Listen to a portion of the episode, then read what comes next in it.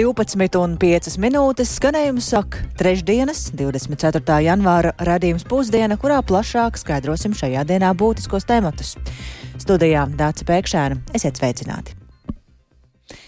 Mediķi brīdina, ka Eiropā strauji aug vasalu gadījumu skaits, tāpēc Pasaules veselības organizācija aicina steidzami veicināt vakcināciju pret tām. Desmit mēnešos masalu gadījumu skaits pārsniedza 30 tūkstošus, un tas ir 30 reizes vairāk nekā vēl pirms gada.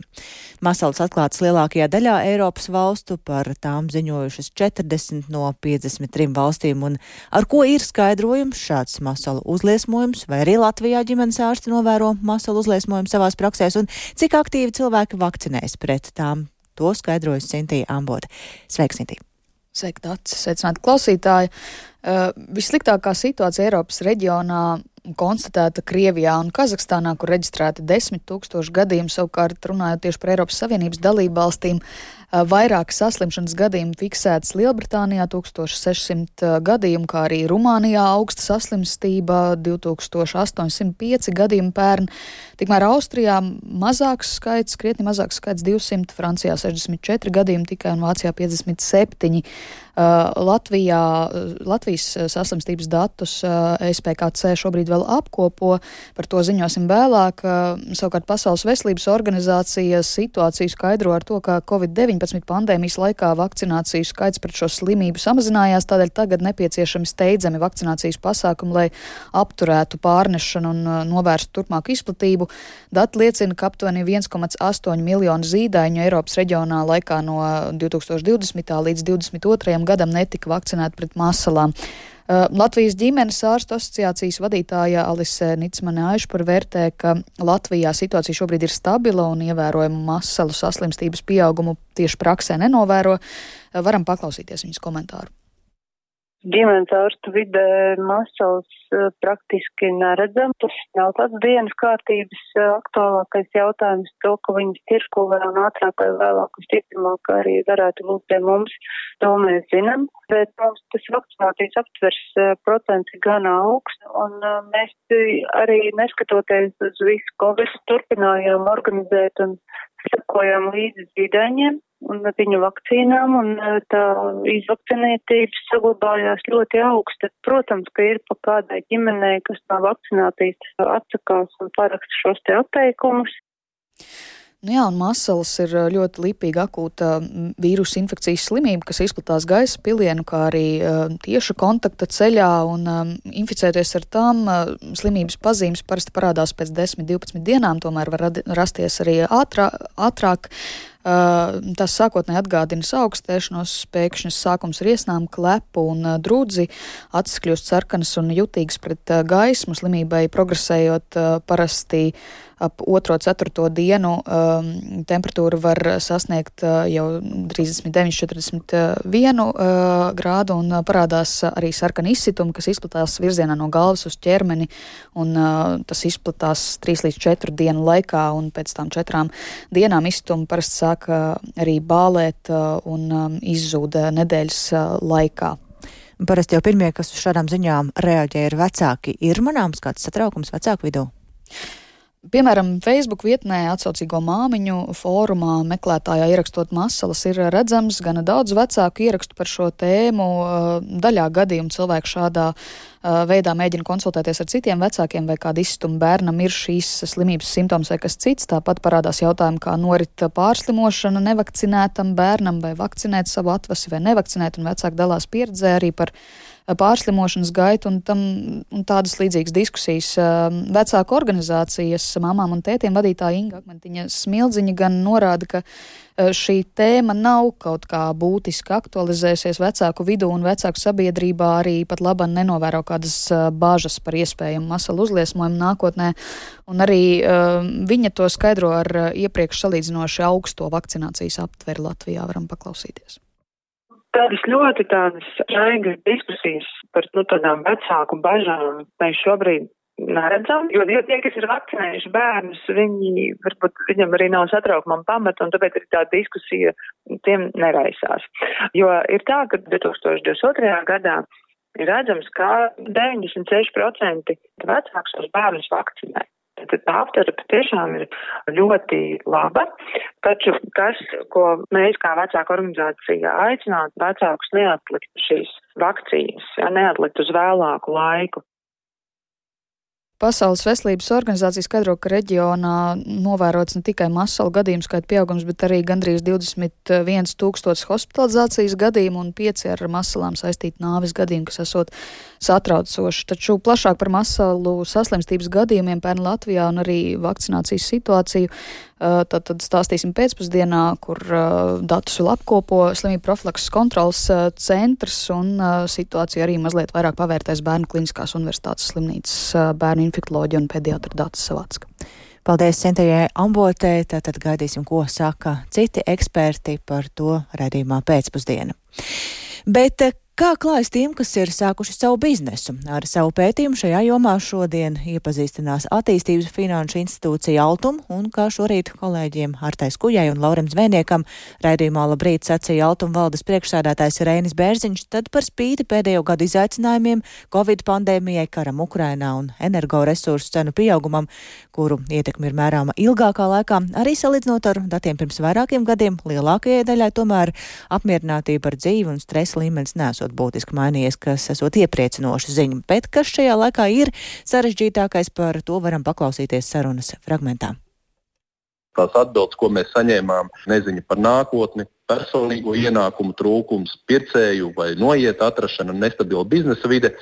Bet vienīgais, kas būtiski atšķīrās pa šiem gadiem, bija finanšu piesaiste, kur atbildes kā lielāko izaicinājumu par 50% ir auguši pret 19. gadu. Nu, tas ir diezgan skaidri parāda, ka to, ko mēs varbūt empiriski jūtam, kas notiek ārpus birojiem, vietām, kur taisam jaunas programmas, kā jūtās uzņēmējs, tas šobrīd ir apstiprināts. Arī karš Ukrainā noteikti ir mainījis uzņēmēju skatu uz to, kādos virzienos darboties. No eksports mums ir ārkārtīgi svarīgs.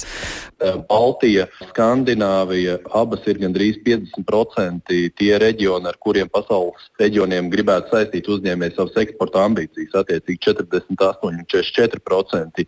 Kopumā ar Eiropas Savienības rietumu Eiropu augsts šie skaitļi. Tāpat ļoti iepriecina, ka Amerika vai Kanāda ir starp šīm top pieci reģioniem, un uh, tur ir arī vairāk nekā 20%.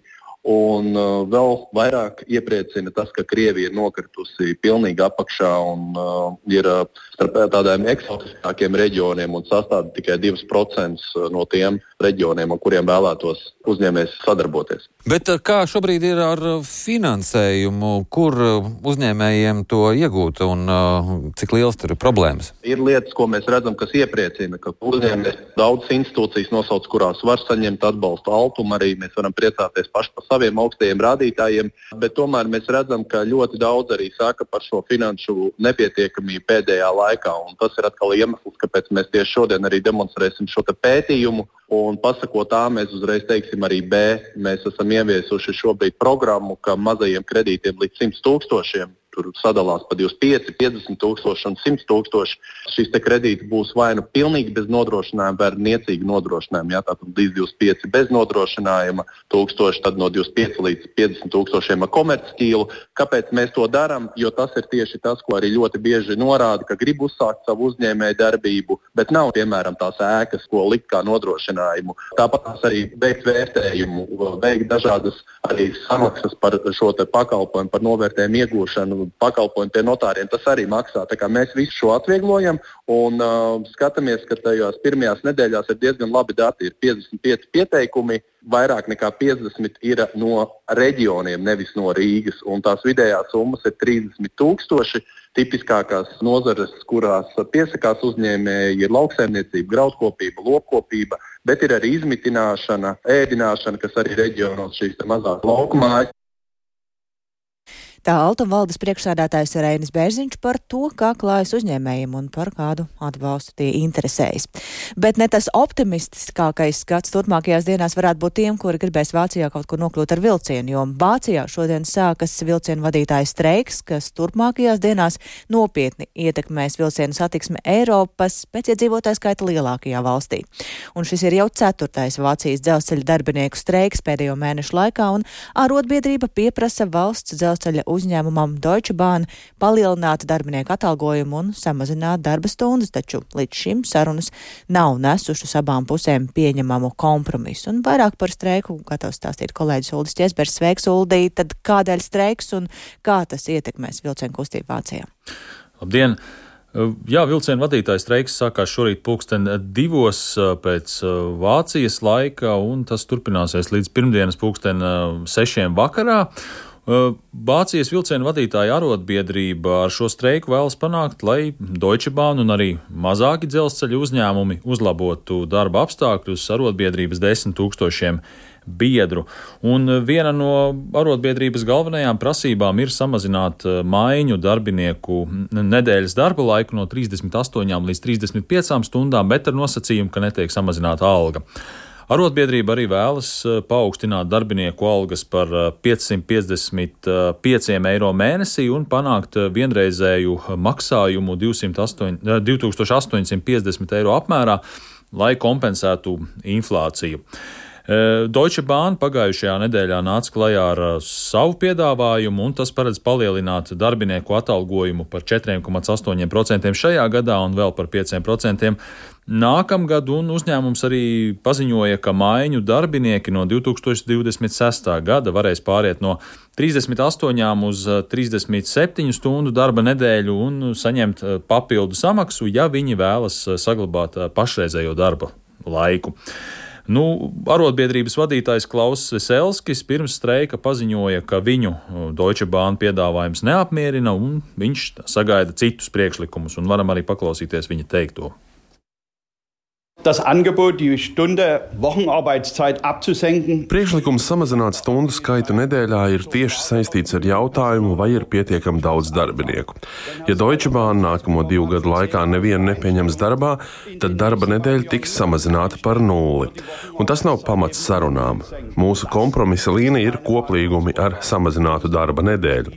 Un tas, ka mēs esam noslēguši koplīgumus ar 18 uzņēmumiem, pierāda, ka uzņēmumi spēj domāt pareizi pareizajā virzienā. Lūdzu, jautājiet Deutsche Bahn vadībai, vai mums ir nepieciešams streikot vēl vairāk un vēl ilgāk. Jā, iepriekšējā streika laikā pirms divām nedēļām uh, kursēja tikai aptuveni 20% mm, Deutsche Bahn tālu satiksmes vilcienu, tostarp uh, daudz reģionālajie un piepilsētu vilcienu valsts lielākajās pilsētās, piemēram, Berlīnē. Uzņēmums paziņoja, ka šoreiz streika laikā izmantos uh, garākus vilcienu sastāvus, lai varētu pārvadāt pēc iespējas vairāk pasažieru. Nu, tajā pašā laikā Deutsche Bahn brīdināja, ka pakalpojumi nav garantēti un aicināja pasažierus streika laikā izvairīties no nesvarīgiem braucieniem. Un uzņēmums arī apsolīja, ka braucienu biļetes, kas ir iegādātas uz streika laiku, būs derīgas arī pēc tam.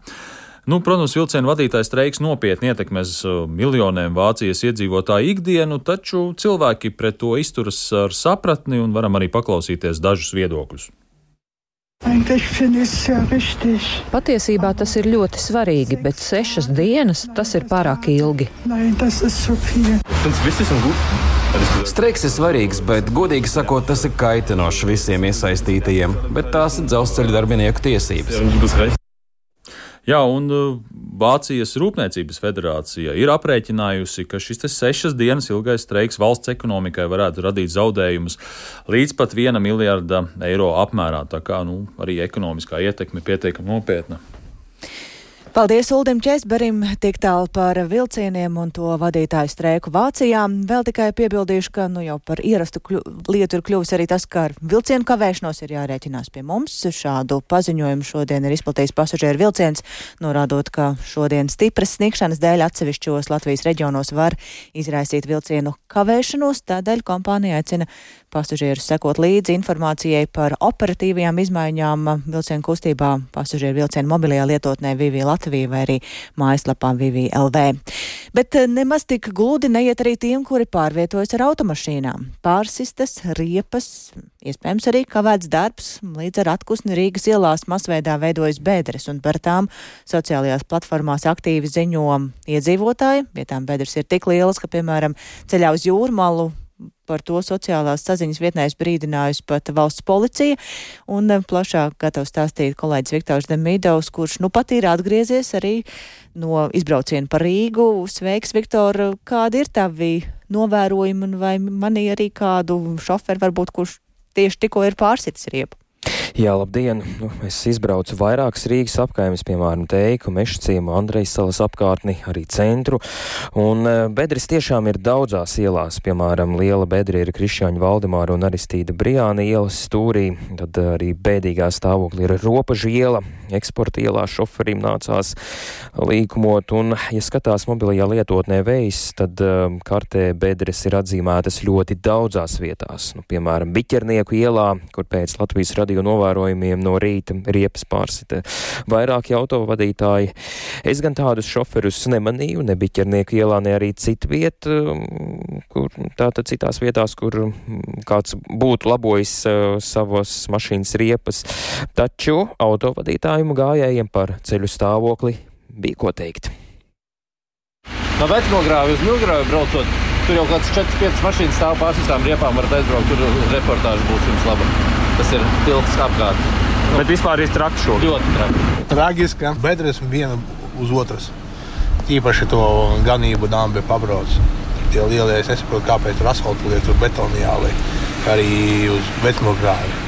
Gan arī pārsita riepu jātaisa jau šīs mazās, kur lielie brauc rekuši, kas tā eksporta iela, ganību dambis. Nu, pilns tāpat kā Nīdzgalas iela, jā, visa aizsista. Kaut gan tur ir tā kā uztaisīta tā austrumu maģistrāla, bet apkārt viss, viss ielas sadagātas. Ja salīdzina, man daudz jābrauc uz Tallinu un, teiksim, Viļņu. Ja to salīdzina, tad mums ir diezgan laba situācija pilsētā. Tikko braucu Brijāna un Valdemāra krustojumā. Nu, tur vakardien praktiski izbraukt nevarēja. Nu, šodien vismaz tajā lietas uh, pēķē liek asfaltam iekšā. Japānas pieredze uzliet apsildāmos ceļus. Viss. Laikam tas būs ļoti dārgi Rīgai. Tas atmaksātos vienkārši no saules baterijām apsildāmos ceļus, kas vienkārši atkusina līdz kaut kādai temperatūrai. Norvēģija salika, viņi jau visā Rīgā ieliek, tad pēc 20 gadiem tas atmaksāsies. Viss. Vienkārši šeit Latvijā ir ļoti sarežģīta situācija. Ne jau naudas trūkums, saprāta trūkums. Tālūk, cilvēki Rīgas ielās, ja arī pievēršamies tur, turpmāk, arī runājam par bedrēm, tad valsts policija platformā X vakar vakarā ierakstīja, ka virzienā no Rīgas uz Jūrmalu priedainis satiksmes mezglā pirms Lielupes tilta ir izveidojusies liela bedre un aicina visu šajā posmā būt īpaši uzmanīgiem. Par tādu policijas ziņu iedzīvotāji ir ļoti izbrīnīti. Rakstot, nu, brī, izbrīna tieši ka tas, ka par to brīdina policija, nevis kāds cits, pārsvarā par to ziņo aktīvi iedzīvotāji, biedrības vai eksperti vai kā citādi. Valsts policijā skaidro, ka vakar ir fiksēti pat septiņi negadījumi, kuros tātad automašīna ir iebraukusi tajā konkrētajā bedrē un bojājusi auto, tāpēc arī policija to ir paziņojusi. Bet, ja atgriežamies pie pašas Rīgas, jo tas bija mazliet ārpus Rīgas, um, tad Rīgā kopš novembra beigām bedres ir salabots vairāk nekā 10 tūkstoši kvadrātmetru platībā un izmaksas ir mērāmas vairāk nekā pusmiljons eiro vērtībā. Tā Latvijas radio teica Rīgas domas ārtelpas un mobilitātes departamenta direktora pienākumu izpildītājs Jānis Vaivots. Attiecībā uz jūsu norādīto biķernieku ielu, nu, tas nav nekāds pārsteigums. Mēs jau īstenībā vasaras beigās teicām, ka šī būs viena no tām adresēm, kur būs problēmas. Pagājušajā vasaras sākumā bija plānots veikt šīs ielas segumā nomaiņu, tomēr saistībā ar visām peripētijām Rīgas domē Un saistībā ar seguma labošanas darbiem šie darbi nenotika. Un, protams, šobrīd mēs redzam sekas, un tās nav tikai biķernieku iela, tā ir Gustavs Zemgala, Gatra un citas ielas, kur sākotnēji bija plānots veikt šādus darbus. Viņi nav notikuši, un šobrīd mēs izjūtam sekas.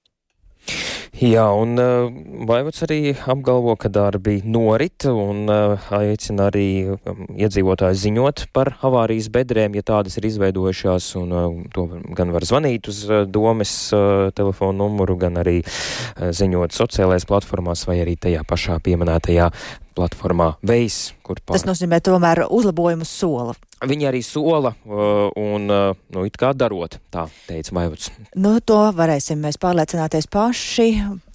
Bet eh, šobrīd paldies, teikšu Viktoram Demīdovam, runājām par ceļu stāvokli Rīgā, Pierīgā.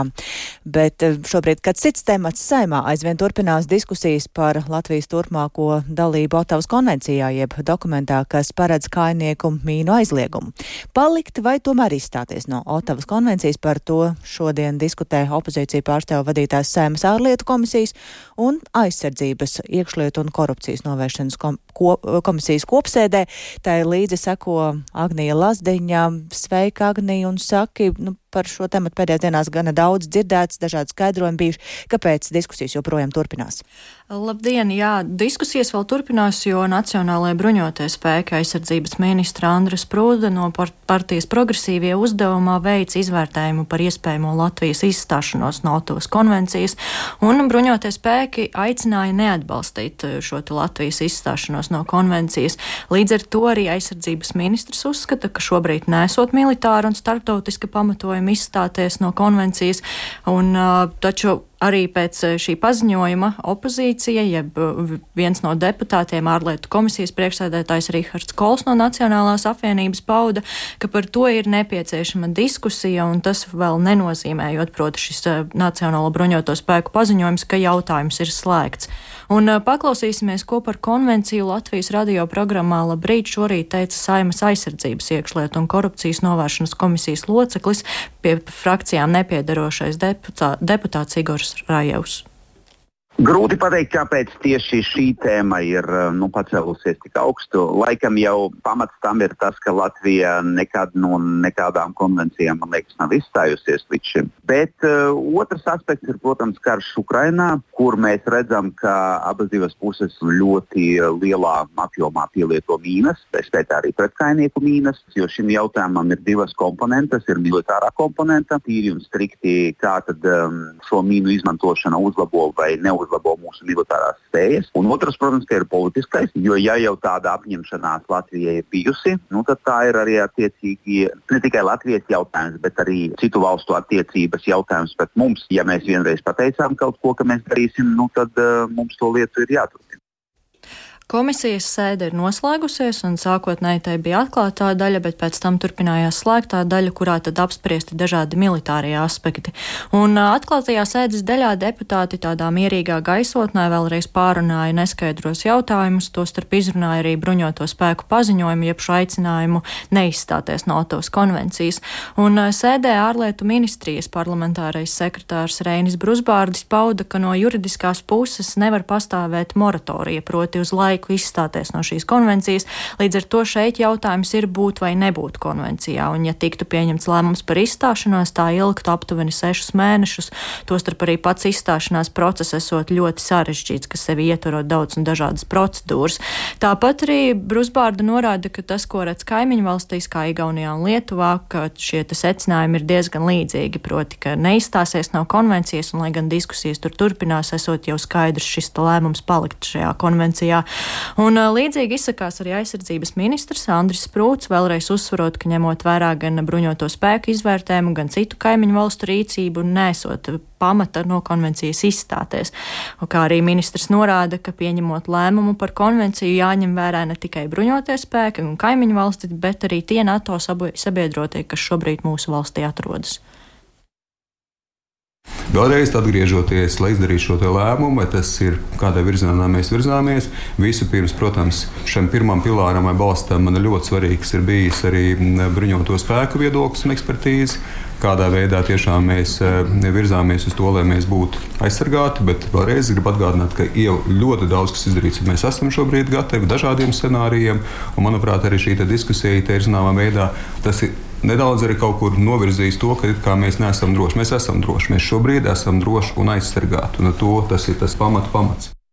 Tāpat arī ministrs atgādināja, ka Latvijai šobrīd jau ir gan aizsardzības plāns, gan reģionālajie plāni, un tāpat arī tiekot strādāts pie militārās pretmobilitātes mērķa. Līdz ar to Latvija ir aiz, aizsargāta un arī turpina valsti stiprināt. Bet ņemot vērā, ka sēde ir bijusi diskusijas formā, gala lēmums nav pieņemts, taču ir pieņemts diskusijas turpināt. Kādā veidā tas būs par to plašāk programmā pēcpusdienā? Paldies Agnijai Lazdiņai tik tālu par to Otavas konvenciju, un ar to tad arī skan raidījums pusdiena. To producēja Ilze Agīnta, ierakstus montēja Renāša Teimanis, par labskaņu rūpējās Mārtiņš Paeglis, un ar jums sarunājās Dāca Pēkšēna. Atgādināšu, ka raidījumu pusdiena un arī citus ziņdienas raidījumus var meklēt arī Latvijas radio mobilajā lietotnē.